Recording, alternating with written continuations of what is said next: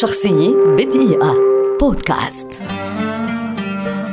صوفيا كوبولا ممثلة كاتبة سيناريو ومخرجة أمريكية شهيرة من أصل إيطالي ولدت عام 1971 وتعد واحدة من المخرجات السينمائيات البارزات حول العالم في وقتنا هذا وهي ابنة المخرج العظيم فرانسيس فورد كوبولا صانع تحفة العراب.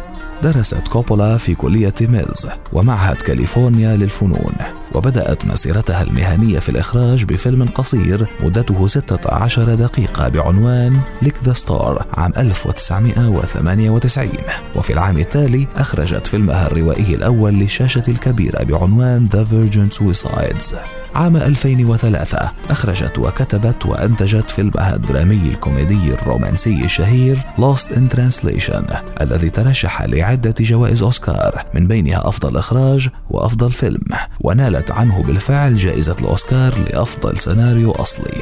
خلال مسيرتها حتى الآن أخرجت صوفيا كوبولا عددا من الأفلام الناجحة والجيدة. نذكر منها ماري أنطوانيت On the Rocks Somewhere. A Very Merry Christmas و The Bling Ring وعام 2017 كتبت وأنتجت وأخرجت The Beguiled الذي نالت عنه جائزة أفضل مخرج في مهرجان كان السينمائي على الصعيد الشخصي تزوجت صوفيا كوبولا مرتين.